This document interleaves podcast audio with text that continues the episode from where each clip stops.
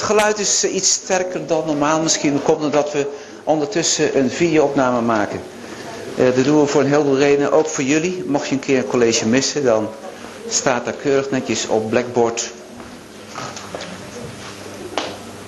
te wachten totdat jullie hem uh, alsnog kunnen zien. Dus dat is de bedoeling van deze wat specifieke akoestiek vanmiddag. Eén groep is al begonnen vanmorgen. Onder leiding van Johan hebben jullie je prezi laten zien. En als het goed is, is in de viertallen de ontmoeting geweest van de verschillende ideeën van diverse kanten. En mag ik eens even een paar geluiden horen? hoe is dat gegaan? Hoe was die? Zijn jullie op gang gekomen om vanaf vier denkrichtingen naar één. We hebben die ideeën niet in elkaar gezet. Nog niet samengevoerd. Nog niet laten zien. Dus dat, juist. Dus dat moet er nog wel gaan gebeuren, hè? want dat is in deze week gepland. Dus ik zou uh, de groepen die dat nog niet hebben gedaan, door de thuisdruk. Zou ik dan nog een vraag of ja. stond? Er stond voor week 6 stond er um, wat je voor deze week moet bereiken. Ja. En stond er, dat is het schrijven van een essay. Juist. Essay moet je ook schrijven? Nee, dat, ja, dat essay dat ga je nu schrijven. Maar dat is pas voor assignment 1. En die staat dus over drie weken pas. Hè? Maar het is wel goed dat je vast uh, daar aan werkt. Want het, is, uh, het hoeft geen lang stuk te zijn. Ik heb gezegd 1200 à 2000 woorden. En uh, dat moet groeien, zoiets. Ja? Deze week alleen maar die presentatie en dat helemaal. En het, en het concept map in Inspiration gemaakt. Klopt. Ja? Uh, dus even terug te komen op, jouw, uh, op de vorige opmerking. Uh, en er is in andere groepen van morgen, die al geweest zijn met practicum, hebben die ook nog niet kunnen overleggen over de samenkomst van ideeën. Nog niet. Nee. Goed. Nou, dan spreken we zo af. maak even een afspraak in je viertal dat je deze week elkaar nog een keer gaat zien. Om dat toch te gaan doen. Hè? Dus vanmorgen is het vooral een technische meeting geweest. Hartstikke goed. Jullie zijn zelfs al met Dreamweaver bezig geweest, hoor ik. Nou, dat is super licht. Op dat punt liggen we helemaal goed op schema. Uh, maar er moet de, deze week wel iets gaan gebeuren. Dus neem een rustige locatie. Dat heeft ook voordeel dat je het niet in de practicumruimte doet. Maar neem een rustige locatie waar je met z'n vieren uh, kunt gaan vertellen van nou dit en dit heb ik als visioen gehad. Want daar ging het om. Dat je vanuit een lange termijnsdenken uh, gaat vertellen wat je ze willen bereiken. Jij individueel. Dat doe je vanaf vier kanten of er is net nog gemeld dat er ook een tweetal is. Uh, we gaan proberen wel naar minimaal drietallen toe te komen. Dus de groep van twee, die gaan proberen aan te vullen dat we dus uh, daar wat verder mee komen. zijn er andere vragen die op dit punt spelen? Nee? Dus rustig gaan werken aan assignment 1. Ja? Kun je inspiration alleen maar voor drie dagen downloaden? Welke? De? staat er drie dagen? Ik dacht 30. Ja, 30. Ja, 30 is uh, genoeg. Hè? Is, is wel, ja, ik denk het wel. Uh, ze staan wel, het programma staat hier op de site. Mila, kun je het geluid iets zachter zetten of moeten wij dat zelf doen hier? Goed, ik ga proberen, want hij zingt een klein beetje rond. Dat lijkt me eigenlijk, uh, voor, ja, ik geloof dat Mila al gereageerd heeft. Dank je. Ja, nog een vraag? Dat, die woorden, is dat voor het hele essay? Want ik dacht dat het alleen voor het het, voor de existentieel stadium. Daar ga je dus mee beginnen. Maar daar, daar, stond, daar was dat aantal woorden voor, voor de hele essay, die 12. En voor het totale essay. Oh. Totale essay, ja. ja. Goed. Dat valt erg mee. Hè? Kijk, je zou kunnen zeggen, het is ook lastig. Want ik heb gezegd, nou maximaal 2000. Dat betekent dat je heel zorgvuldig moet formuleren. Dus je gaat echt bestuderen. Dat mag je echt van mij aannemen. Ik ga voor jullie ieder individueel ga ik de assignment 1 lezen. En dan ga ik met uh, een potlood erbij zetten. Uh, dus uh, doe dat wel met zorg. Want je krijgt er echt een behoorlijk stuk van je punt voor. Hè? Dus het is echt een belangrijke start. Goed. nou, dan hebben we assignment 1. Die is dus bezig. En dan gaan we het zo dadelijk hebben over de ontwerpstadia. Ik heb er iets over verteld de vorige keer. Um, we zitten nu in het eerste stapje, de existentiële analyse. En we gaan zo voort tot en met de metafoorkeuze. En dat is eigenlijk een hele belangrijke, want dan komt alles te samen. En dat kun je natuurlijk niet doen zonder dat je, uh, zonder dat je al gaat afvragen van nou, is het realistisch? Wie zou de doelgroep gaan, gaan worden? Welke effecten wil ik erin bereiken? Dus dan ga je vrij concreet worden in dat tweede stadium. Nou, ik ga dadelijk iets vertellen over de hele achtergrond Want het speelde een grote rol hier van de conceptmap. De conceptmap is niet zomaar ontstaan als een, als een grapje van nou we gaan eens een keer schematisch werken. Nee, er zit een lange gedachtegang. Daar ga ik iets over vertellen.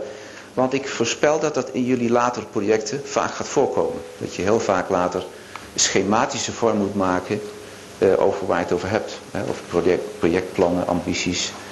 Je eigen professionaliteit, die moet je goed kunnen schematiseren. Dat is heel belangrijk. Um, moet, je, ja? moet je dat product zeg maar, in die eh, concept map zetten of inspiration? Dus het product moet in het midden staan? Ja, dat is uh, je, nou in het existentiële stadium, dus zo mag je beginnen, stel je jezelf als de centrale factor. Wie ben ik, wie wil ik zijn?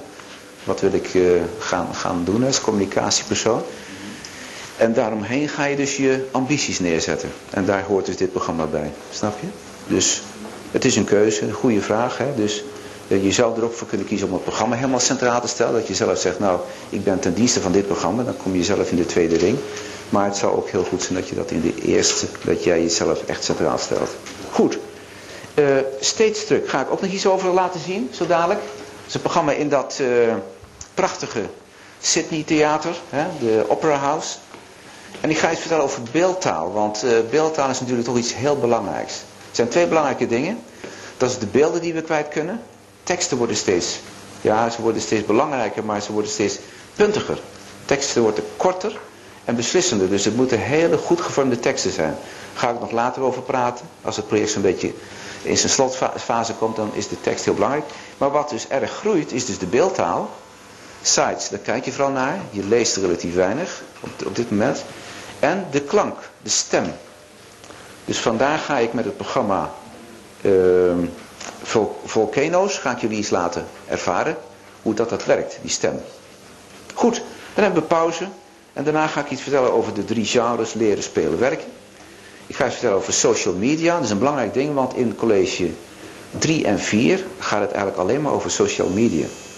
Dat is belangrijk omdat je als projectteam moet je natuurlijk niet alleen denken van nou we gaan iets moois maken en dan gaan we het op de, op de kastplank leggen. Nee, je moet in dit project moet je het mee gaan verkopen. Nee, moet je gaan afvragen hoe gaan we het lanceren. Dat betekent dat je een groep moet vinden die er iets aan gaat vinden. Die er iets mee gaat hebben. Uh, dus dat zijn social media. Dat kun je beginnen met je Facebook en met je LinkedIn pagina. Misschien hebben sommigen ook nog een Hives. Uh, dat is onderwerp binnen je team. Dus wij gaan niet regisseren hoe jullie met social media moeten werken. We gaan wel een aantal hele belangrijke dingen laten noemen door de experts. Maar het is aan jullie team om te zeggen van nou, laten we dit social media platform gebruiken om elkaar te bereiken bijvoorbeeld. Of onze achtergrond, onze netwerken te bereiken. Dat komt na de pauze. We gaan het hebben over cognitieve stijlen. We gaan het hebben over visuele metaforen. Hè, dus welke beeldanalogieën kun je gebruiken. En we gaan het hebben over de persoon, Roger Resmeyer. De persona. Goed, uh, die essay is, dacht ik, voldoende besproken. Uh, ik ga nog even naar voren halen dat je existentieel, waarom beginnen we eigenlijk mee? Nou, heel uh, eenvoudig. Een studie doe je, als het goed is, doe je die omdat je daar iets mee hebt. Als je het alleen zou doen voor je diploma, dan is dat moeizaam. Dan zouden we daar echt moeite mee hebben binnen dit vak al, alleen al. En de rest ook, denk ik. Dus je moet beginnen met wat betekent het voor mij? Wat kan ik weer terug betekenen voor de community? Hè? Dus de gemeenschap van andere communicatiemensen. Daar moet je een rol, een, rol in spelen. Dat wordt jouw werkring. Het volgende stadium is conceptueel. Dat, dat gaat over de, uh, het ding zelf. De objectieve betekenis. Dus als je jouw programma hebt gedroomd, zeg maar. Dan ga je het hebben over, ja wat is daar eigenlijk nou de kern van? Hoe zouden anderen mijn idee benoemen? Wat zijn de belangrijkste trefwoorden? En dat ga je dus in die conceptmap zetten. die conceptmap begint existentieel, maar gaat steeds meer naar wat het voor de buitenwereld betekent, de objectieve kant. Eh, de metafoor is eigenlijk, ik herhaal een beetje, is eigenlijk de deur waardoor je naar binnen laat komen. Dus als iemand de URL intypt of vindt jou via een link op een andere bladzijde of eh, vanuit een Twitter uh, bericht bijvoorbeeld, dan komt hij op jouw site en het zal zo zijn, dat heb je altijd al gemerkt, denk ik zelf ook. Als je op een site komt, heb je direct een eerste indruk. Alsof je iemand een hand drukt. En je kijkt naar iemands gelaat en naar zijn postuur.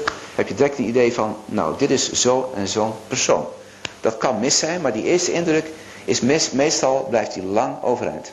Dat noemen we de metafoor. Het beeld waarmee een site tot je komt. En ik heb de vorige week gevraagd, noem eens wat voorbeelden van metaforen voor sites. Klassiek is de documentmetafoor.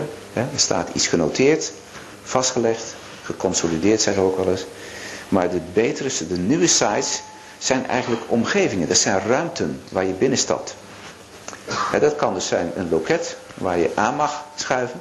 Dat kan zijn een atelier waar je binnenkomt. Dat kan zijn uh, ja, iedere ruimte die wij maar kennen. Het kan een collegezaal zijn. Het kan een marktplein zijn. Uh, noem het maar op. En een heel stuk van de creativiteit zit hem in het bedenken van... was een geschikte metafoor om iemand die fris van buiten komt... in één klap zich vertrouwd te laten voelen met waar gaat het om hier. En als je dat goed kiest, die metafoor... dan is het laatste stadium, dat is namelijk de navigatie... is eigenlijk al voor een groot deel opgelost. Want als je in een ruimte komt, we hebben daar een deftig woord voor, dan speelt de term affordance. Ik heb hem hier niet opgeschreven, maar affordance is het Engelse woord, het Amerikaanse woord voor eigenlijk je wordt uitgenodigd tot. Donald Norman die heeft daar een hele simpele verklaring voor. Hij zegt, ja, inmiddels is het zo als wij een muis vastpakken, is dit voor ons iets dat moet je op tafel leggen en dan kun je zo mee bewegen en klikken. Die affordance die zit er al in, die heb je geleerd. Als je een deurkruk ziet, dan uh, kun je met de deurkruk een, een, paar verschillende dingen doen. Je, je zou er aan kunnen tillen, je zou er kunnen draaien, uh, je zou er ook aan kunnen buigen, zijwaarts. Maar meestal als we zien dat het ding kan draaien, dan zeggen we, ah, we moeten erop drukken en dan gaat die deur, als die niet gesloten is, open. He, dus affordance is dat je een natuurlijke reactie hebt van zo moet je het doen. dus als je die metafoor goed kiest, dan gaat die gebruiker eigenlijk al gaat hij uh, naar de juiste dingen zoeken. Dan, dan weet hij ongeveer wat hij kan verwachten daar. Snap je? Dus vandaar is de metafoor hartstikke belangrijk. Nou, structuur is eigenlijk iets waarmee jullie vanmorgen al begonnen zijn. Dat zijn, je gaat onderdelen maken, ingrediënten. dus in uh, Dreamweaver maak je de structuur van je site. Als je daar flash animatie in wil hebben, dan ga je dat in flash programmeren. Uh, ga je de video's in, inhangen, dan ga je die in een aparte editor, ga je die monteren. Je gaat met de camera op, op stap. Komen nog op terecht hoe dat, dat gaat met de ingrediënten. Dat is dus wat komt er allemaal in. Dat is de fysieke kant eigenlijk. Hè? Navigatie is eigenlijk, ja, hoe komt de gebruiker zo gemakkelijk mogelijk waar die wil zijn. Er is natuurlijk iets heel spannends. En dat is, jij maakt iets, jullie maken wat. Een site, over een bepaald product, een dienst, een, een idee, een communicatief idee. En daar heb je wat mee voor. Je verwacht dat die gebruiker daar wat mee gaat doen. Je zou kunnen zeggen dat er meerwaarde aan zit, dat hij of zij het leuk vindt. Maar eigenlijk ga je iets bouwen wat, jou, wat uit jezelf komt. Dus er zit eigenlijk een dialoog in. Ja, nog voordat het interactie heet, wordt het een kwestie van ik poneer wat.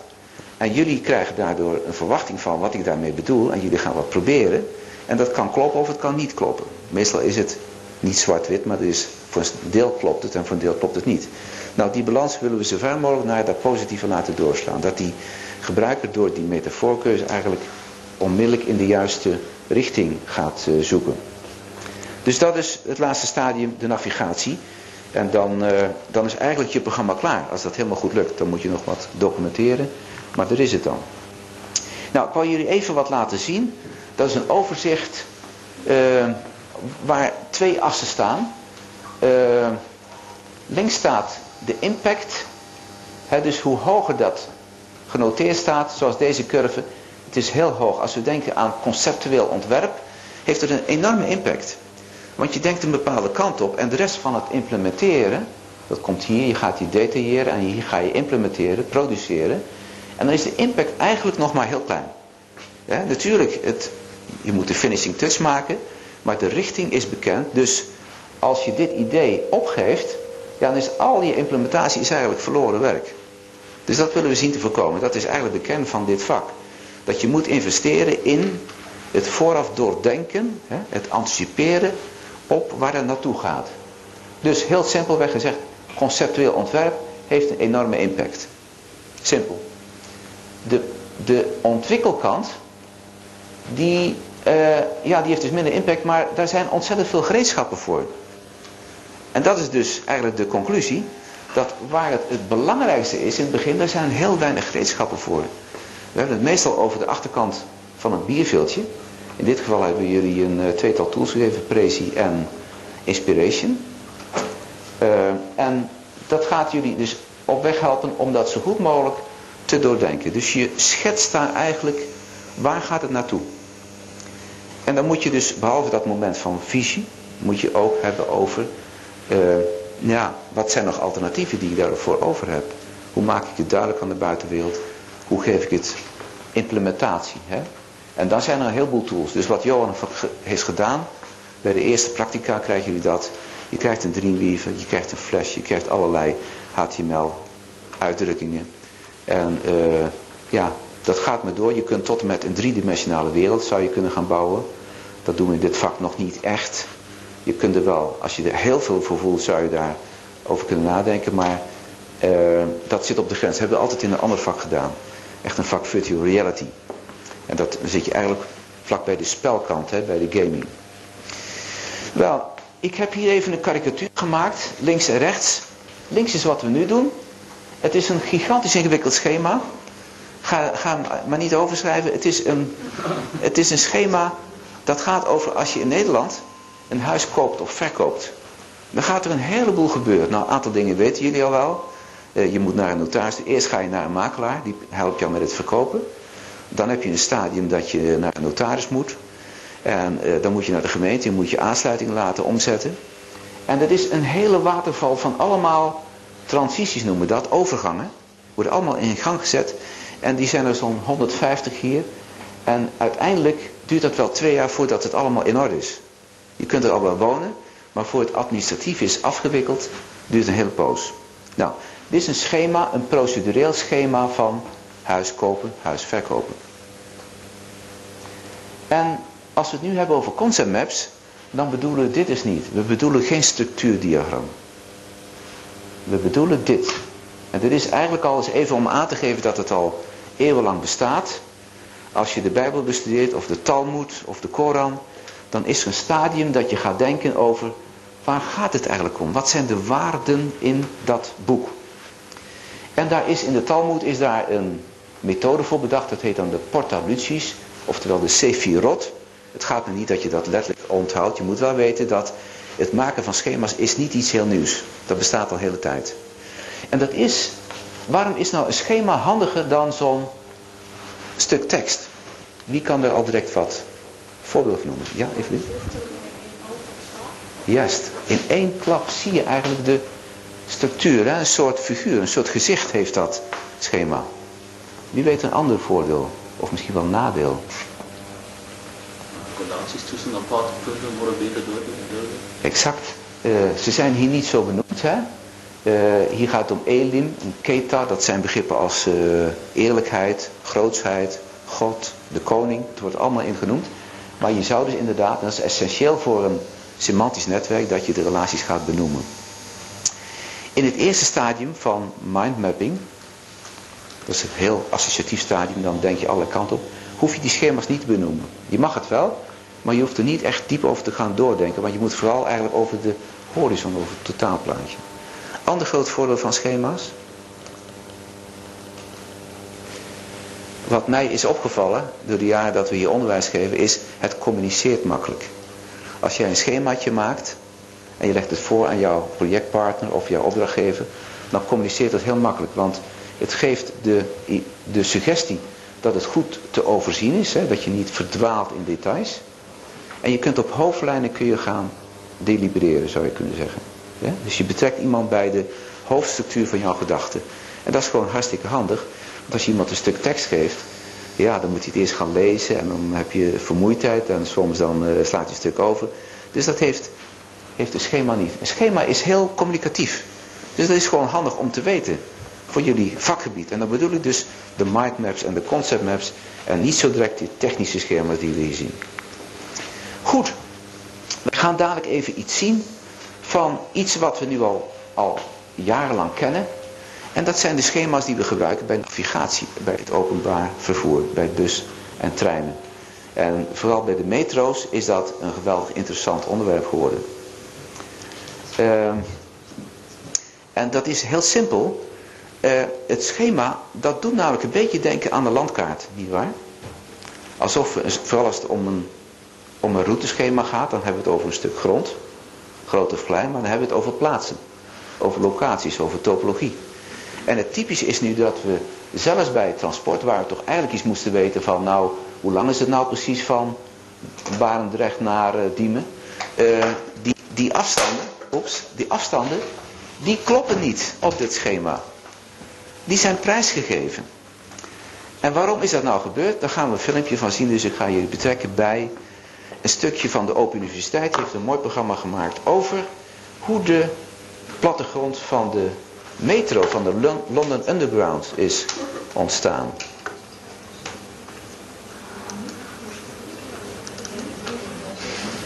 Ik moet trouwens nog eventjes het geluid koppelen.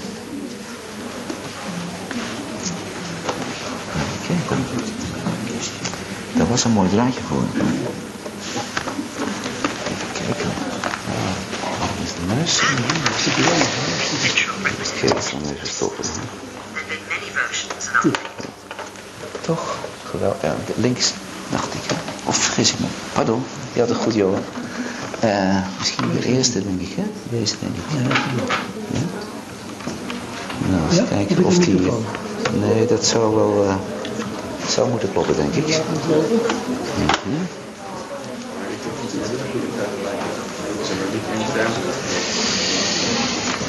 Nou, even kijken. Ja? Ja. Uh,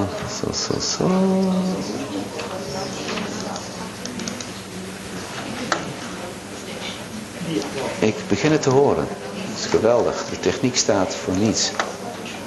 Hij kan nog ietsjes harder, denk ik, als de regiekamer nog iets meer... Uh, deze ook? Deze. Kijk, geweldig. Inderdaad. Goed. We gaan eventjes terug, want de opening gaat over die London Underground. Dus laten we eventjes kijken hoe dat verhaal zich ontwikkelt. Hoor tenminste ook echt goede Engelse uitspraak. Dat vind ik altijd zo prachtig.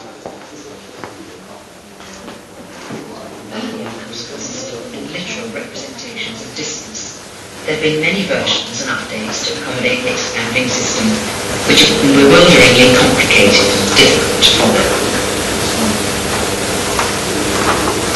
This one, by F.H. Stingemore, was the most modern. It dates from the mid-twenties. Colour coding had been introduced, and the details of the city had been dropped, leaving only the lines and the stations in relative clarity. But these still stuck rigidly in layout and scale to true geography. X-Man certainly did not. He realized that it wasn't necessary to show on this diagram the relative distance between stations. What was important was to see what station came after what station and where they connected with one another. So uh, that was the, the key thing that uh, instant mind.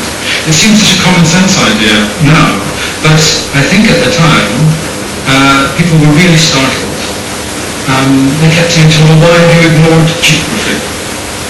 Uh, to him it seemed common sense. If you're going underground, why do you need to bother about geography? It's not so important. Things. Beck eh, totally threw off all geographical shackles. He deliberately enlarged and distorted the central area, the most heavily used and complex part of the system, to make its lines and its net connections clear. What Baker produced was not in fact a map at all, but a diagram. His stylized rendering of the system was a breakthrough in itself. Had he still felt it necessary to show some degree of actual distance, his map would have looked like this.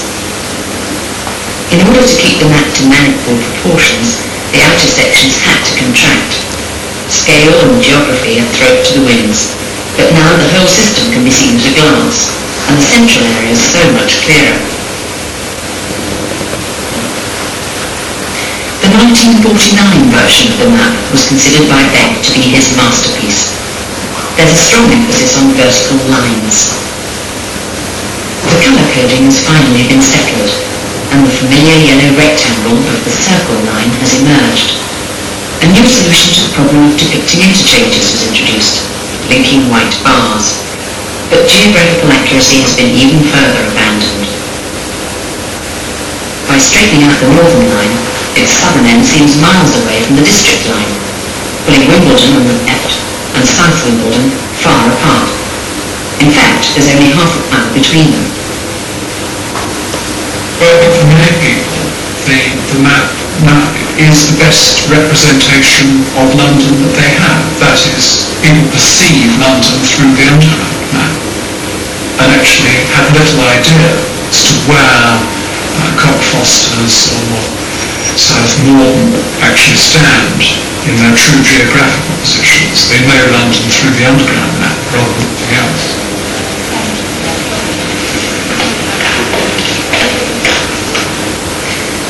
Wanting to travel between, say, Queensway and Bayswater will find the map the epitome of clarity.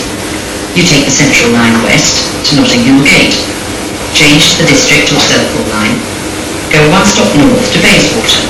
It couldn't be simpler. The reality is silent. Getting down to the platforms, changing trains, and actually travelling take almost 10 minutes, with no waits for trains. Yet the stations are only a few hundred yards apart. Journey time on foot, about one minute. It was the, one of the first, if I'm mistaken, the first step towards uh, map making where the, the maker did lie about the topographical situations of actual stations. And it was this breakthrough which was so revolutionary. And created a very clear graphic system. And it's this clarity which deals with uh, visual communication, and that's sometimes very difficult for quite a lot of designers to come up with a very clear and simple and functional piece of graphic communication because graphic communications deals with communication via the eye.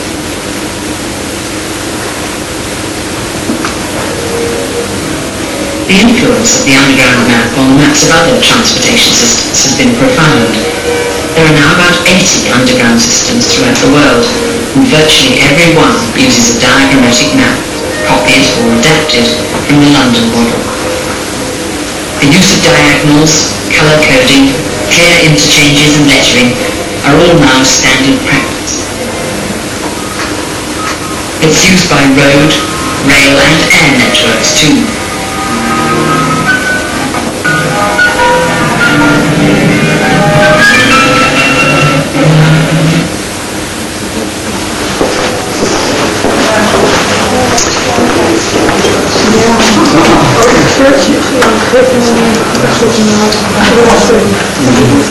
Ja, het heeft dus een prijs. Hè? Dus de, het opgeven van de schaal is uh, handig voor reizigers. Want het gaat er je om dat je makkelijk in één trein kunt blijven zitten. Niet twee keer moet overstappen. Liefst helemaal niet overstappen. Maar uh, er kunnen situaties zijn dat je uit die map, uit die London Underground map afleest. Van ik stap hier wel uit en dan loop ik naar dat punt wat er vlakbij staat. En daar kun je heel sterk mee op de koffie komen. Dit is nog een keertje de fysieke locatie van Oud-Londen met de Theems erdoor. En hier zie je dan uiteindelijk die map, die, die ziet er heel gelikt, heel schematisch uit. En is eigenlijk dus een conceptuele representatie van wat Londen is. Namelijk de Londen door het oog van de reiziger. Met name de ondergrondse. Hier hebben we het over een map die nog iets meer naar de conceptuele kant schuift. Want hier gaat het over Europa. Nou, uh, de oppervlakte van de landen is geweld aangedaan. De vorm van de landen. En het gaat eigenlijk alleen maar over de gateways. Over de technische overgangen, zeg maar. Dus de grensovergangen. Waar zijn de grote handelstransities? Zoals in Nederland hebben we dat. Natuurlijk in Rotterdam, Schiphol, maar ook op plaatsen als Venlo bijvoorbeeld. Heel belangrijk voor het treinverkeer. Zo kun je uh, kijken naar Europa. En door die specifieke aandacht op connectivity doe je dus geweld aan de fysieke kant van Europa. Goed, uh, ik ga nu even voor de pauze met jullie kijken naar stage struck, want dat is denk ik nog niet in grote mate gebeurd. Jullie kunnen dat in het practicum, in de practicumruimte doen. Daar gaan we nu even de, de aanzet voor maken. En daarna houden we even een pauze.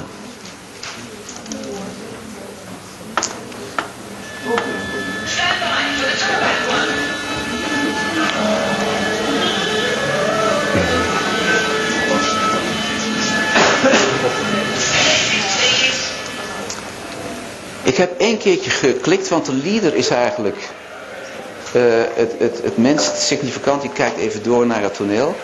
Maar dit is de ruimte waarin je zit. En we gaan heel snel rond omdat de cursor buiten het midden staat. De vraag voor assignment 1 is... Wat is nu de gekozen metafoor die aan dit programma ten grondslag ligt? Daar wil ik een antwoord op. En dus dat is niet een heel simpel antwoord. Ik wil dat je daar heel precies naar gaat kijken. Hoe doen we dat? Door de ruimtes van dit gebouw te gaan bezoeken. En uh, je kunt overal waar een beetje het licht opgaat, dan kun je gaan klikken. Dus je kunt rondkijken. Je kijkt ook naar buiten. Dat geeft eigenlijk al een antwoord op de vraag dat dit programma van binnen naar buiten werkt. Hè? Je, je, hebt buiten niks gezien. Ik heb vorige week wat foto's van die omgeving laten zien, maar dat is hier niet te zien. Je kijkt nu naar die brug.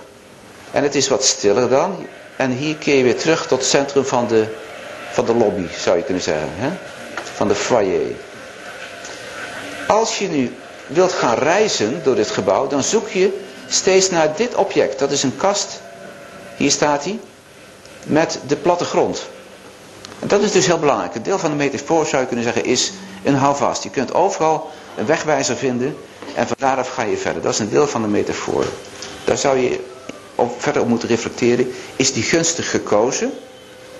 Is dat een makkelijke? Is dat een affordance die je ondervindt? En ja, je zit gelijk in de ruimtes waar, of vlakbij de ruimtes waar gerepteerd wordt. Maar hier kun je, met één klik kun je door het hele gebouw heen.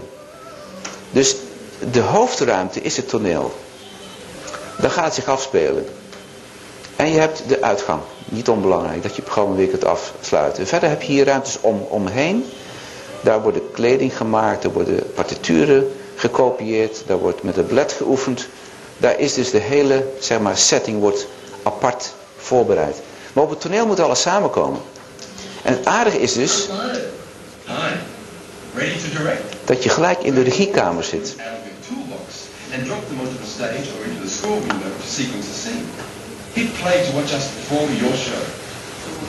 Wat je hier beneden ziet, is dus eigenlijk zeg maar je edit line. Hier kun je geluiden neer gaan zetten, maar ook je kunt er figuren laten komen.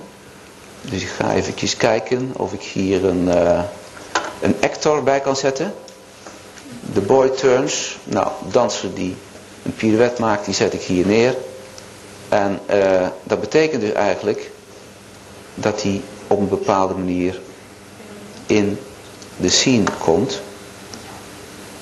En dan kijken wat hij... Hij staat aan het begin, zie je dat? Dus hij is hier simultaan met die drie andere dansers. Als ik zeg, nou hij moet pas aan de beurt als die andere twee klaar zijn, dan kan ik dat zo plaatsen dat hij dat overneemt. Snap je? Dus echt een choreografie die je daarmee kunt. Ja, ga je gaan? Ik begrijp de bedoeling van de website. Is dat nou inspireren of wat Juist. Hele goede vraag. Uh, je, je kunt erachter komen door daar heel diep in te gaan. Dan reconstrueer je eigenlijk wat die uh, ontwerpers hebben bedoeld. Maar ik kan je dus verklappen. Dit was gewoon om publiciteit te maken voor die Sydney Opera. Dus voor de mogelijke bezoekers om ze te lokken van kijk eens wat voor geweldig bedrijf we hier hebben. Snap je? Hele goede vraag. Uh, er andere vragen die niet zo voor zichzelf spreken op dit moment? Goed? Nou, dan uh, raad ik jullie aan, uh, ga hiermee spelen. Naast die verschillende ruimtes, ga hier vooral op het toneel. Ga hier uitproberen hoe dat technisch in elkaar zit.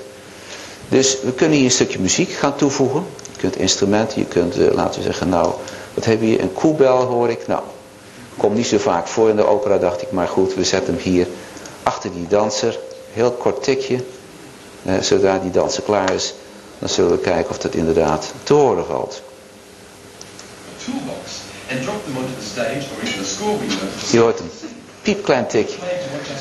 Uh, en nou ja, je kunt dat gaan, uh, je kunt een iets langere passage, een harp die een glissando geeft.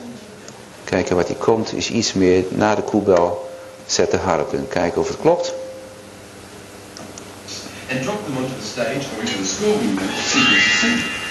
Nou, Het doet meer denken aan een soort uh, griezelverhaal dan aan een echte harp, maar goed. Het is als harp bedoeld. Dus dit gaan jullie uitproberen, ja? En je gaat ook in de alle ruimtes, dus daarna krijg je weer de map. En je kunt in alle ruimtes rondgaan. Ik pak er hier één. Nou, je komt hier in het scenario schrijven terecht. En je kunt je verdiepen, hoe werkt dat nu? Hè? Dus het systeem gaat reageren en laat jou mee een verhaal schrijven. Via die map kun je weer doorwandelen tot waar je wilt zijn. Hier is de belly uh, repetitie. En zo ga je door totdat je zegt, nou ik heb het gezien. Met de vraag, hè, wat is nu de typische metafoor die hier is gebruikt? En slagen ze erin om jou als buitenstaander bij dit bedrijf te betrekken? Lukt dat? Is die metafoor geslaagd? Is die, heeft hij voldoende affordance? Is die vanzelfsprekend genoeg? Daar ga je het over hebben.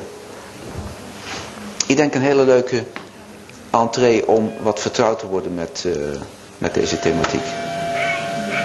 Nou, afscheid door een uh, helder tenor die nog even een korte aria afrondt. Uh, ik stel voor dat we even een pauze houden. Kwartiertje. En dan gaan we... Ja? Juist. Er is, uh, er is één ding dat moeten we doen in de pauze. Behalve even gezellig bijpraten en koffie drinken. Uh, er zijn twee werkcollege momenten. Ja? die willen we goed verdelen. En mijn voorstel is dat in principe wat we werkcollege 1 noemen, dat dat is voor de groep die op maandag practicum heeft. Werkcollege 2, diegenen die dat op de donderdag hebben. En de, en de groep van de woensdag, die gaan we verdelen. En daarvoor, dus als je in de woensdaggroep zit, practicumgroep woensdag, ga even naar Johan, dan krijgen, gaan we kijken of we dat goed kunnen verdelen over werkcollege 1 en 2. Wil je er wat aan toevoegen, Johan? Dan moet je even hier komen. Eén momentje graag. Johan geeft een kleine toelichting.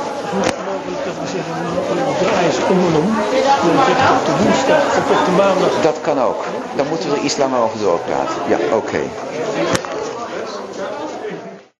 Ik wou jullie vragen weer op uw plaatsen, zeggen ze in de sport.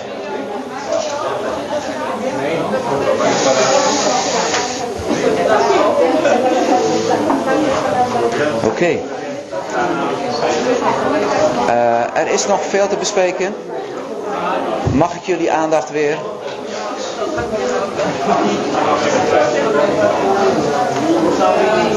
Goed, uh, wij gaan beginnen met het vervolg. Want uh, ik heb het al een paar keer gehad over de metafoorkeuze. En dat lijkt een beetje een, zo'n zo triviale keus. Van pak maar iets leuks een loket of een speelkamer of wat dat is. Maar dat is het natuurlijk niet. Want, waarom niet? Het is geen technisch argument. Een metafoor die kies je omdat het bij je doelgroep past. Of omdat het in de lucht zit. Omdat het in is. En wij komen uit de cultuur, nog niet zo heel lang geleden. Er zijn volop verhalen bekend denk ik dat je zegt van ja, hoe snel groeit het? De sociale media die groeien met uh, enorme snelheden. Hè, de, manier, de mate waarin men dat gebruikt. En als je ziet hoe lang het heeft gekost voor het boek zijn entree deed. Gigantisch. En we zitten nog steeds, mag ik even jullie aandacht. Ook op de linkervleugel. Uh, we zitten nog steeds met een aantal uh, gewoontes. Zo is er een reader voor het, uh, voor het practicum. En hebben het rooster nog steeds netjes op papier. En dat hoort allemaal bij het idee van, als je het vast kunt pakken, dan is het nog net iets overtuigender dan wanneer je het uh, vanaf een schermpje leest. Nou, degene die, wie hebben er wel eens met de iPad gewerkt inmiddels? 1, 2, 3, super. Nou, uh, dat gaat echt verder. Uh, de tablet PC heeft het afgelegd, maar de, de iPad is helemaal weer, heeft ons helemaal weer, weer bij de les gehaald. Belangrijk, daarom heb ik ook het, het voorbeeld van Stage Struck genomen, is dat je niet alleen afvraagt van, nou die site, die komt zo bij de gebruiker over. Maar het gaat ook of die consistent is. En daar moet je zo goed, zo scherp kijken naar dat programma steeds stuk. Als je hier kijkt, wat je hier voor je ziet, is eigenlijk ja, iets wat we al wel in ons hebben. De cinema, dit is de voorloper van de cinema. Het was namelijk gewoon een, een zwarte doos. Met een klein lampje erin, of met tegenlicht. En dat noemen we de toverlantaarn. Nou, dat heeft onze cultuur sterk beïnvloed. toneel, de tv-programma's. Het is allemaal dat je... Mag toch even jullie aandacht, ook van de andere kant. Uh, onze aandacht is steeds van... Uh, wij willen iets te zien krijgen wat, wat bijzonder is. En nou, dat was even een beeld, zeg. Toen we in de cinema konden zien dat die trein helemaal was, was misgelopen. En het was in het begin, als je uit de cinema kwam, dan kwam je op straat dacht je van, hé, hey, wacht eventjes. Uh, oh ja, ik zit in een andere wereld. Je zat als het ware, je was in die film gezogen. En dan moet je later moet je er ook weer uit. Moet je weer terug naar je eigen wereld. En als het goed is, is een site is ook zo. Je moet iemand vastpakken, aandacht nemen, aandacht vasthouden en hem meevoeren. Het is nog sterker, met sociale media, gaan we wat voorbeelden van zien, is zo dat je eigenlijk iemand mee acteur maakt. We noemen dat de co-creatie. Als je kijkt naar de nieuwe grootste reclames op de sites, dan word je er zelf bij betrokken. Dan zegt Grols bijvoorbeeld, nou wij organiseren danceparties, daar hangen webcams.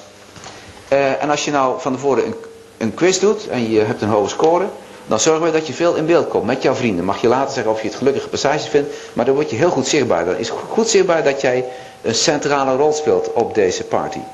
Nou, zo probeert Grols, gaat natuurlijk om die bier, eh, om dat bier te verkopen, maar het gaat erom, ze betrekken die feestgangers erbij, dat jij je niet voelt overvallen van, uh, wij willen bier aan je kwijt. Nee, jij wilt een leuk feest en je wilt in het centrum van de aandacht staan. Zo doen ze dat. Er is natuurlijk nog steeds iets van een verhaal.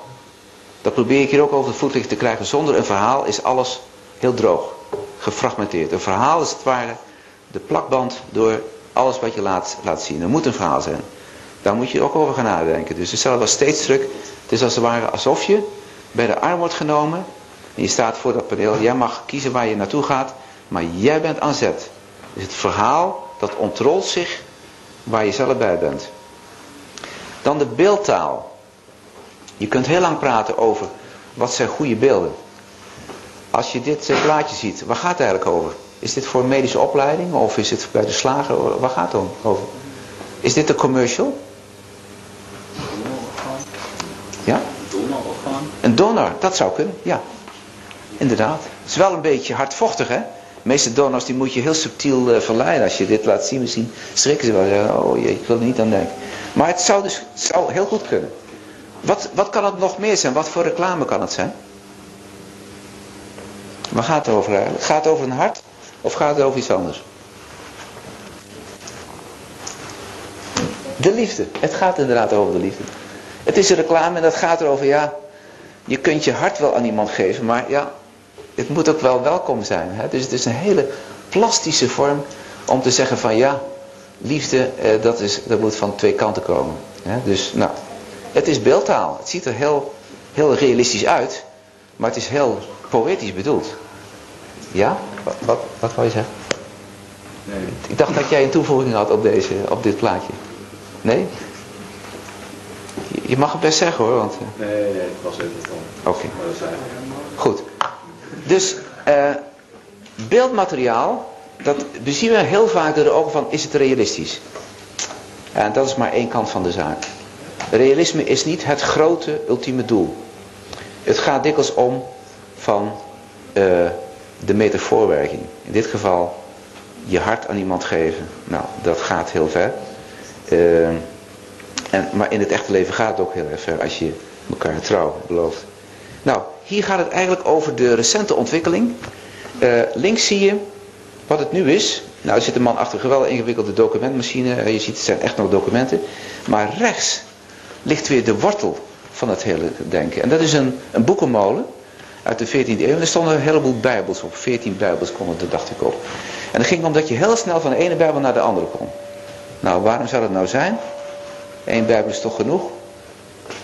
Nou, blijkbaar waren er heel veel versies van die bijbel. En ze moesten ook vertaald worden. Dus je moest heel snel kunnen springen van het ene naar het andere. En dat doen we eigenlijk met hypermedia altijd. Met het web ook.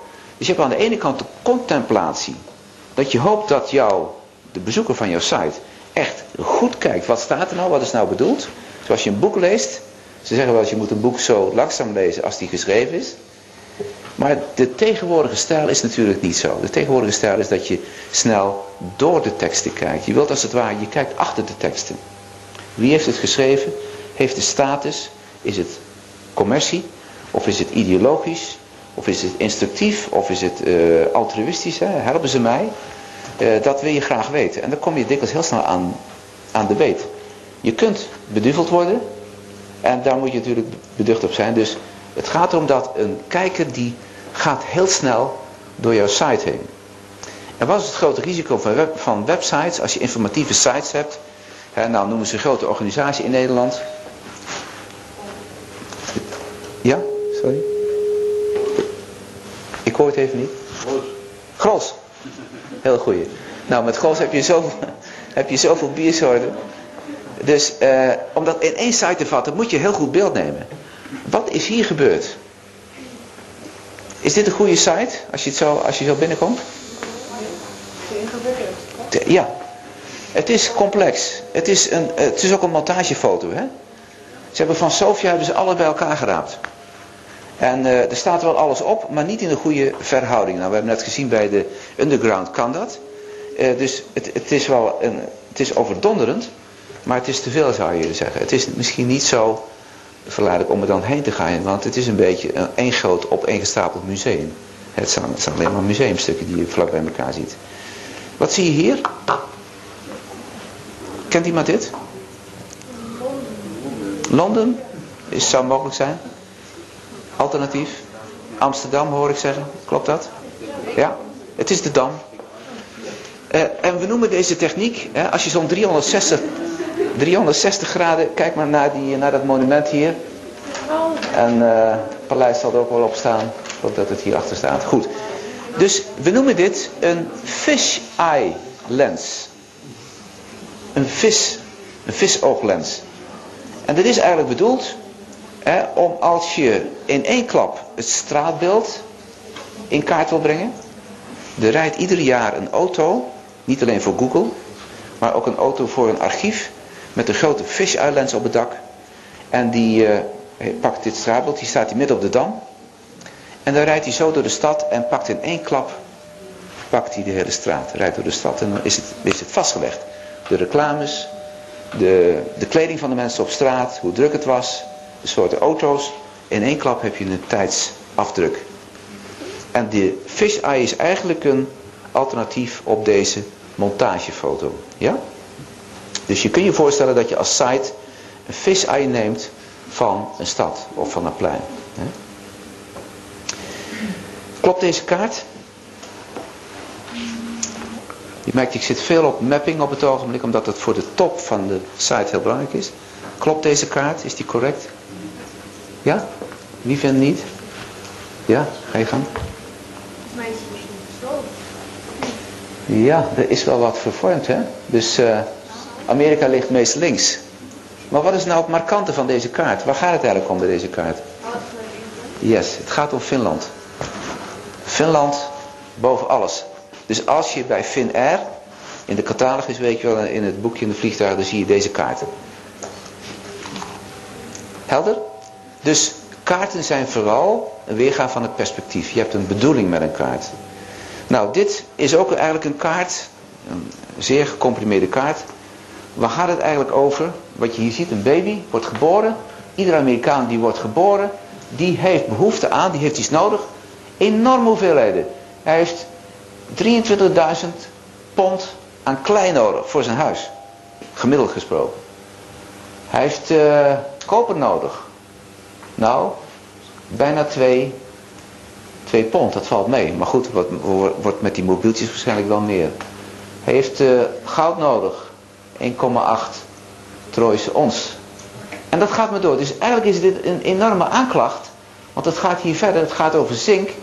Ongeveer... Uh, nou, uh, dit gaat om, volgens mij gaat dit hier zelfs om 1000 pond. Het gaat om 1 miljoen pond steen, zand en, hoe noem je het, kiezeltjes. Uh, dat zijn enorme bedragen. Westers iemand, hè? Een Amerikaan. Als je kijkt naar iemand die geboren is in Afrika, heeft een heel ander gebruiksbeeld natuurlijk. Zijn, zijn milieu, voetafdruk noemen we dat wel eens. Die is totaal anders. Dus eigenlijk is dit een chockerend beeld. Als je hiermee confronteert, ga je gang. Maar volgens mij valt het ook wel heel erg mee, want met net wat je allemaal meerekent en Precies. ze allemaal helemaal een huis te noemen die niet iedere persoon laat zijn eigen huis bouwen. Precies. Maar, dus stel je bouwt een stad, hè, dat kost ontzettend veel hoeveelheden materiaal. En er gaan dan hoeveel, 60.000 mensen in. Dan kun je zeggen, nou, per saldo, als westeling hebben we dat materiaal nodig. Tenzij we daar beter oplossingen. Dat is natuurlijk de hele discussie. Cradle to cradle is helemaal dit idee van het bewustzijn van hoeveel verbruiken wij, hoeveel kunnen we recyclen en hoeveel belasting geven op onze wereld.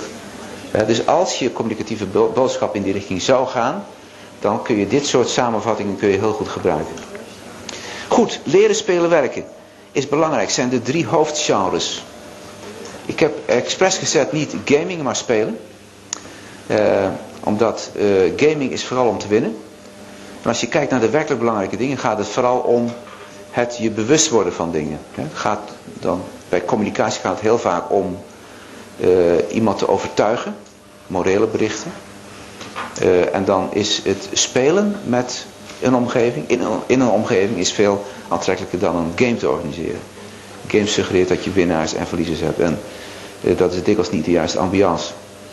Nou, je kunt ook zien dat die dingen vaak met elkaar te maken hebben, dus leren en werken hebben veel, veel met elkaar te maken. Waar we nog niet goed in zijn, is eigenlijk de link te leggen tussen spelen en werken. Daar hebben we gewoon nog weinig concepties over. We zien het een klein beetje gebruik uh, ontstaan met bedrijfssimulatie bijvoorbeeld. Hè. Dan speel je een business game, maar dan houdt het ook zo'n beetje op. Nou ja, Breugel had daar veel over verteld. Wat je ziet op de universiteit, ik ben een tijd in Japan geweest. En dan zie je dus dat uh, daar die jongelui, kijk, heel klassiek onderwijs. De reden zal ik je nu besparen, maar dat is gewoon zo. Het is heel strak onderwijs. Colleges, zelfstudie, tentamens. That's all. Maar je ziet wel ontstaan, als zo'n tentamen klaar is, krijg je opeens een geweldige explosie van kermissen, Vlaamse kermis op de campus. Fancy Fair. En wat is er nou het interessante? De, juist de hele moderne universiteit in Japan, die kent helemaal geen colleges. Ze hebben allemaal projecten. Ze zitten daar in die projectruimtes, doen ze werk voor opdrachtgevers. En ze hebben helemaal geen tijd voor die kermissen. Dus wat je heel vaak ziet, is dat er compensatie optreedt tussen spelen en werken en leren. Dat de, resultant is bijna altijd nul. En dat kun je zien met reclames. Als je een heleboel reclames hebt op één punt, dan is dat ideaal voor een andere reclame om daartussenin te komen. Want dan weet je zeker, dan hunkert de kijker weer naar iets aanvullends. Sociale media gaan we veel over hebben, maar het is natuurlijk goed dat je bij het begin van dit vak hebt nagedacht over wat is nou je eigen voorkeur. Even wat reflectie op wat je hebt gedaan. Het Hives tijdvak nemen dat de meeste van jullie allemaal Hives hebben gebruikt. Tenminste de Nederlandse studenten. En ik denk, want Duitsland is er ook een site neem ik aan. Wat is de fameuze Duitse jeugdsite om social software? Hoe heet die? Studievatten. Ja. Ik had er nog niet van gehoord, maar dank je. Uh, nou, dus die gebruiken. En ik neem aan dat Facebook inmiddels voor jullie een belangrijke uh, gereedschap is. Goed, dus daar ga je over nadenken. En ik wil nu even iets doorprikken naar het, naar het element stem. En dat heeft veel te maken met de stijl.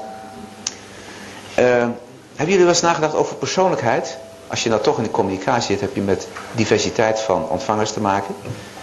Uh, wat we hebben ontdekt is dat uh, iemands korte termijnsgeheugencapaciteit is heel beslissend. En waarom is dat? We hebben gezien dat studenten, we hebben in Peking onderzoek gedaan en ook in Nederland. Het blijkt dus dat studenten die heel snel iets kwijtraken, wat er net is gezegd. Dat, dat zijn de studenten, die noemen we hier holisten, aan de rechterkant, die duiventil. Dat zijn de mensen die eigenlijk veel meer met betekenissen werken. Minder letterlijk van buiten leren, maar veel meer bezig zijn met het koppelen aan wat ik al weet. En dat geldt natuurlijk niet alleen voor onderwijs, geldt ook voor reclamecampagnes. Dus hoeveel afstand mag je nemen en hoeveel elementen kun je kwijt in één kort fragment. Dat blijkt erg tegen te vallen over het algemeen. Dus een gouden wet van het werkgeheugen kan zo'n zeven elementen bevatten.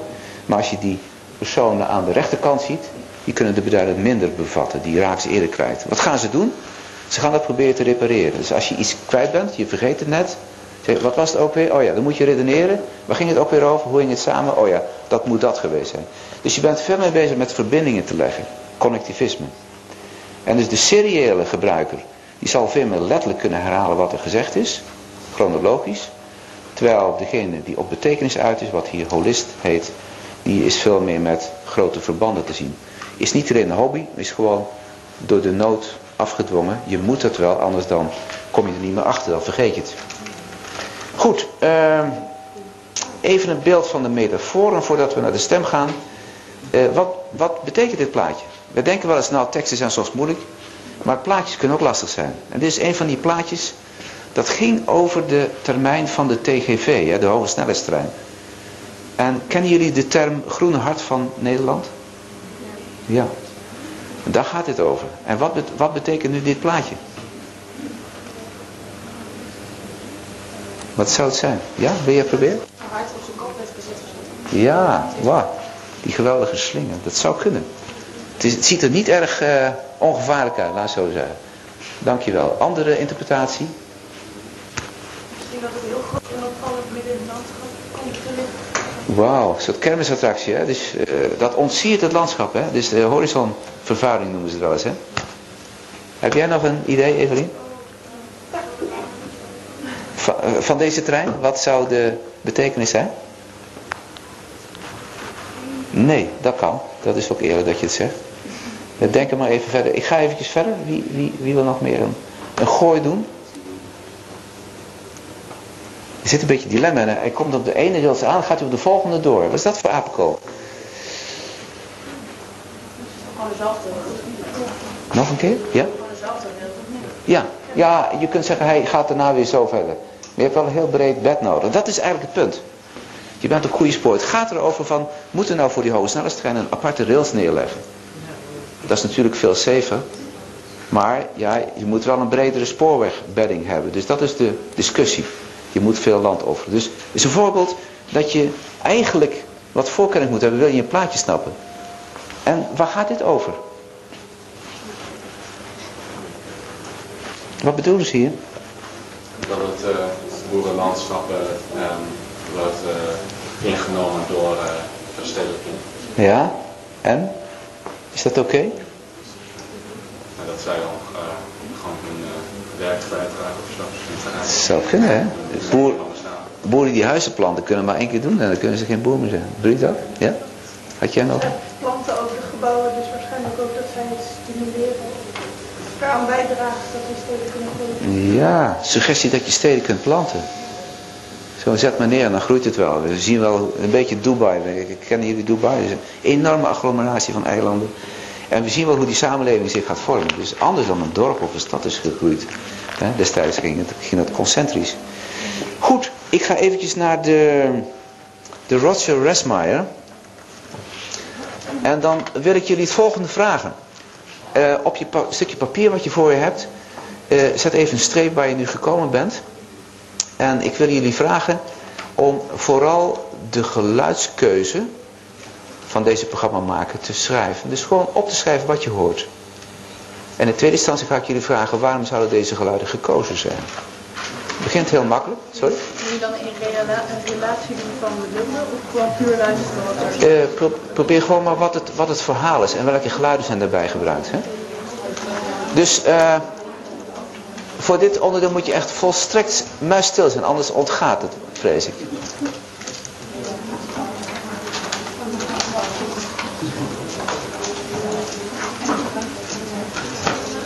Ja? Echt even ontspannen houding aannemen. Niet met elkaar praten, maar echt oortjes open. Daar gaat het om.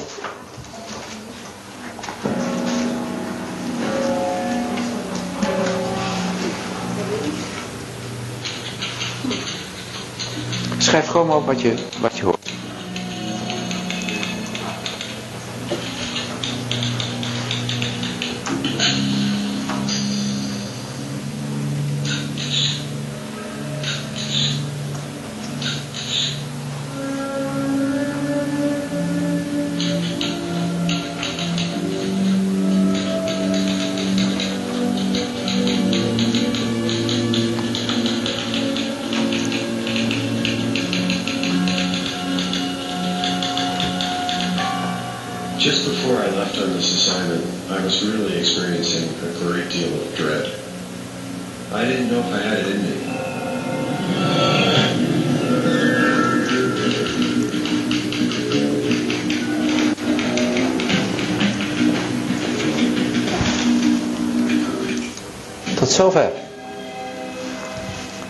Introductie, dit was de leader. Wat waren de geluidselementen? Gaan we gewoon een lijstje maken. Begin maar. Piano. De piano?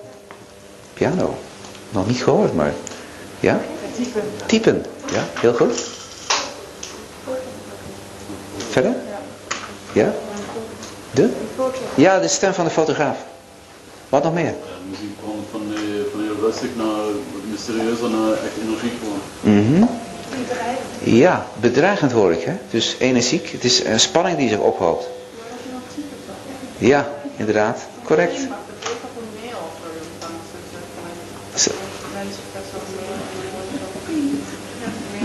Zo'n oude typemachine, als je dan de wagen zo doet, carry street in, ping, inderdaad.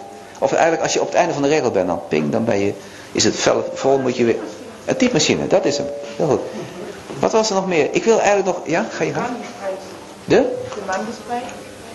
De man die spreekt, ja, was al gezegd, fotografische stem, hè? Ja, heel goed. Eh, ik wil eigenlijk nog iets eh, proberen door te gaan. Die muziekkeuze. Nou, ik hoor een paar dingen. Eh, er zit een climax in, hè? het begint vrij rustig, een beetje zoetig. Maar dan gaat het naar iets onheimisch, hè? Het, gaat- het wordt dreigend. Nou, dat heeft te maken met het verdere ver- vervolg. We zijn nu terechtgekomen op de metafoor van dit programma. Wat is de metafoor hier? Lees dat af.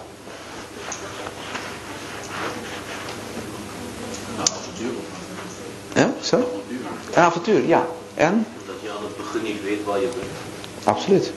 Maar je zit nu, eh, laat ik het heel simpel stellen. Je zit gewoon in zijn werkkamer. eh, aan zijn tafel. Hij heeft zijn eh, camera klaar. Het gaat om een fotograaf, zoals je misschien hebt begrepen. Roger Resmeyer. Heeft een lifelong appointment. Mag zijn hele leven voor National Geographic de wereld overgaan. Om vulkanen in beeld te brengen. Dus je zit hier aan zijn tafel. Nou, hij heeft van zijn vorige reis een, eh, een een of ander ik denk een Indonesisch masker of een Balinees masker waarschijnlijk. Hij heeft de krant natuurlijk. Die CD-ROM ligt er ook al. Daar gaat hij zijn foto's op opstaan. Een intercom, de globe en ik kan informatie opvragen. Een lichtbak waar hij zijn eh, dia's mee bekijkt. En een gasmasker voor die enorme vulkaan eh, gedoe. Hè? Nou, ik heb dit voorbereid. Dus ik ga naar de globe en ik ga naar een gebied waarvan ik heb gedacht, hé, hey, hier zitten een paar interessante elementen. Het gaat natuurlijk om dat jullie op het spoor komen om zelf een programma te gaan maken wat aanspreekt. De vorige hebben jullie gezien hè, van de Saab, die site. Bekijk die nog maar eens. En dan kom je waarschijnlijk op een aantal samenvattingen waar jullie nou een beetje mee helpen. We gaan eerst kijken bij de Ancient Chain, dat is ergens bij de Pompeii. Daar is een Stromboli, dat is zo'n vuurspuwende vulkaan. En we gaan eens kijken wederom, wat voor geluid gebruikt hij. Dus, pen in de aanslag. In October, Roger S. Mars assigned a halfway around the world to the old island volcanoes off the coast of Italy. Etna was first. So I took the tour. I looked at it from every possible angle. There wasn't much to shoot though. This was a slow start to my European trip. Etna was not in eruption, neither was Volcano, his next stop. But there at least he saw evidence of its volcanic nature. Yellow, stinking, sulfuric mist seeping from cracks in the earth.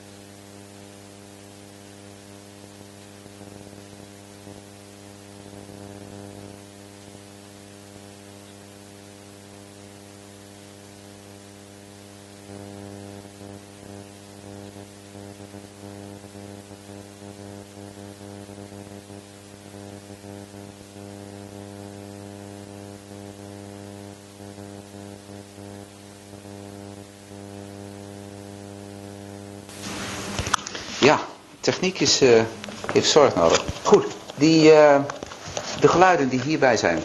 Wat waren de eerste geluiden die je hoorde? De? Weer een piano? Een luid. Ja, een luid of een citer. Het is in ieder geval heel mooi natuurlijk iets. Een is haast een soort bijbels idyllisch tafereel.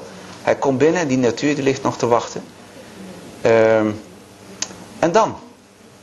Welke geluiden komen er vervolgens? Ja. Niet direct de fotograaf. Wat is de rol? Waarom gaat die dame daar nog tussenin zitten? Volgens mij stelde ze een vraag. Maar ik eerlijk gezegd, ik nou niet echt geluidje Nee. Het kan zijn dat uh, zij een soort brugfunctie heeft. Hè? Dat ze een soort gastvrouw is. Om dan de... En dat zie je heel vaak natuurlijk. Sprekers worden geïntroduceerd. Er wordt iets geweldigs verteld van de beste spreker van de hele straat of zo. Nou goed, prachtig. Uh, dus deze dame heeft ook die introductierol. En dan hoor je natuurlijk dat kraken en dat ritselen van die vulkaan. We gaan nu naar de tweede episode. En ga eens kijken waarom deze geluiden gekozen zijn. Hm? Even terug naar de... Even kijken.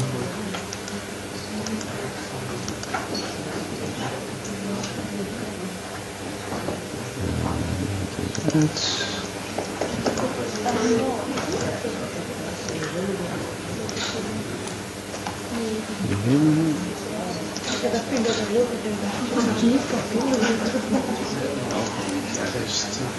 De tweede, tweede episode. Ben in de aanslag, ik ga dadelijk iemand aanwijzen die dit keurig moet opnoemen. Wat zijn de geluiden, achtereenvolgens? In early January 1992, Roger Resmeyer returned to Lava Zeparano. Italian authorities were forensically building a dam to defend the town. There were cranes and trucks and backhoes and an army of civil defense authorities chopping up fresh lava and trying to create a dam quickly that might stop the flow. I watched this flurry of activity from the hilltop and it seemed sort of pathetic and sort of hopeless. Behind was the summit of the volcano and on the slope I could see the steam and the smoke and the lava pouring out down channels, flooding down towards this area where the last pass, the last chance to head the lava off before it got to the town. And sure enough, just as soon as they finished the dam, it was engulfed by lava. Lava flowed right over the top. Miraculously, the town of Zaffarano was spared. The lava shut down just in time.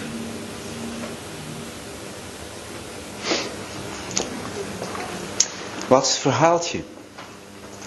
En dan is het misschien ook begrijpelijk waarom hij deze geluiden heeft gekozen. Eerst maar eens de geluiden zelf noemen. Het was erg zacht. Maar wie heeft er iets gehoord? Wat was het, wat was het achtergrondsgeluid in het begin? Hij. Helemaal goed. Marsmuziek. En wat was het vervolgens? Wat, wat moest die marsmuziek inleiden? Wie is dat opgevallen? Ja. Het leger moest ingezet worden. Hè, om die spulletjes te redden daar, die dam op te werpen. Dus er is een, er is een, en dat is een hele eenvoudige term. De term hier is ambiance. En ambiance is het niks anders dan dat je eigenlijk de stemming maakt door beeld en geluid. En geluid is vooral iets wat heel goed gaat naar het onbewuste. Je neemt het waar, maar als je niet met een heel speciaal oor luistert, dan weet je al niet eens wat je hoort. Maar het, het, het, maakt wel een bepaalde stemming, waardoor je klaar bent voor wat er gaat komen. En dan, uh, goed, dan gebeurt er wat. Uiteindelijk uh, kunnen ze die lava nog afleiden, hè, die, die kunnen ze om het dorp heen leiden. En wat hoor je dan uiteindelijk? Wat voor geluid volgde? De laatste. Ja, het is een hele lage brom. Het was een soort, uh, het was een contrabas denk ik. Dus het was geluid om te zeggen van nou, het kwam nog goed ook. We gaan nu naar de volgende episode. En dat is gelijk de laatste. En daarvan zou ik graag horen dat jullie... Uh, Uh, vooral letten op het verhaal, de rol van de spreker. Wat gebeurt er met de spreker? Roger Esnine had returned to Etna not to photograph Italians building a dam, but to photograph lava, as close as he could get to it. With two guides, he climbed through the still steaming down below valleys and up the historic slopes. And he then proceeded to make some of the most dramatic pictures of the assignment. Photographically, this was the seminal moment of this entire coverage. I started bracketing wildly, taking all different exposures. I tried everything I could think of. I changed lenses. I was shooting every possible different way to do it so I get all different feelings. I had verticals going, horizontals going, and in the middle of this, I realized this was it. I had to get a great shot of myself, too. We were just a few moments past the prime light.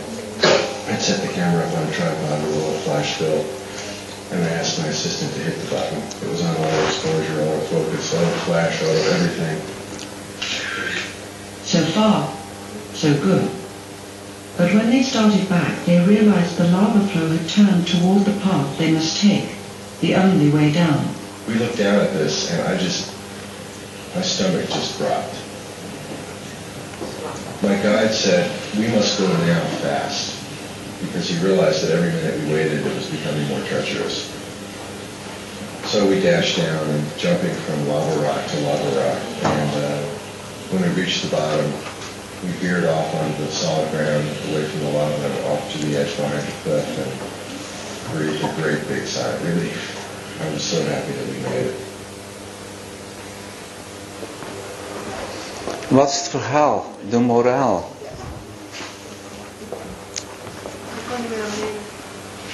Hij kon naar beneden, maar het scheelt niet veel of hij had zijn ego had hij zwaar moeten bekopen. Hè? Was hij ingesloten geraakt. Dus dit is het verhaal wat, uh, wat een simpele fotograaf, ja, hij kan zijn foto's laten zien, maar hij kan ook een verhaal aan toevoegen. En dat is iets wat jullie ook moeten gaan doen. Een programma waarbij je iets overbrengt. Iets uit je fantasie, uit je ervaringen, uit je nou ja, verwachtingen over waar het naartoe gaat. Dus dat wil ik graag zien in jullie groepswerk. Uh, dus voor deze week is het belangrijkste practicum te doen natuurlijk. Voor zover je in een groep van uh, woensdag of donderdag zit. Plus uh, diegene, die groep van vandaag, dat die alsnog, en dat geldt dus voor alle groepen, je gaat in het team, ga je ideeën uitwisselen. En dan ga je een groepsidee uitmaken. Dat kan op verschillende manieren. Je kunt zeggen, nou één van ons heeft zo'n geweldig idee, dat pakken we. De rest dat vergeten we gewoon. We gaan allemaal achter het idee van, uh, van Jan of Hendrik aan. Of Marietje. Of het alternatief is dat je zegt van nou, het zijn eigenlijk wel een paar hele leuke ideeën. Die willen we graag zien te gaan combineren. Dat kan ook. En dat is puur aan jullie. Daar zie ik alleen het verslag van welke kant het is opgegaan. En ik kom op een gegeven moment ook uh, rond. We werken toe naar, de, naar het werkcollege. Eerste werkcollege die nu net zijn ingetekend. En dan gaan we elkaar op de hoogte stellen. Hoe doen we dat? Door compact te vertellen wat we hebben gekozen. Dat visualiseer je ook. Doe je in Prezi bij voorkeur. En je kiest een commercial die je kunt vinden op het web. Ik heb ook een aantal van, van de sterreclame en van het tv-lab op de site gezet. Je kiest een commercial waarvan je zegt, yes, enorm goed geraakt. Ik heb de vorige keer die van Sapporo bier naar voren gebracht, maar het was toevallig waar ik tegenkwam. Ik werd er ook op gewezen door iemand anders. Dus je kunt op YouTube gaan kijken en je kiest een commercial waarvan je zegt, in die richting willen wij onze videospot gaan maken. Ja? Dus dat is heel veel werk. Maar we hebben er rustig de tijd voor. Stel het niet uit. Ja? Maar dit, dit ontwerp was toch uh, een vraag over waar je, waar je dacht dat het moderne in elkaar zit? Ja, dat is individueel. Assignment 1 is individueel.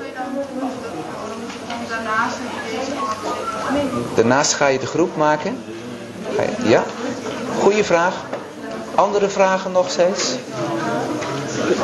Ja, ga je gaan. Programma's tekst, script, kunnen we downloaden? Ja, ga ik je sowieso over vertellen. dus uh, Steeds terug kun je downloaden en uh, Inspiration. Staat op de site, staat op Blackboard. Mensen, dank voor je aandacht. Wel thuis.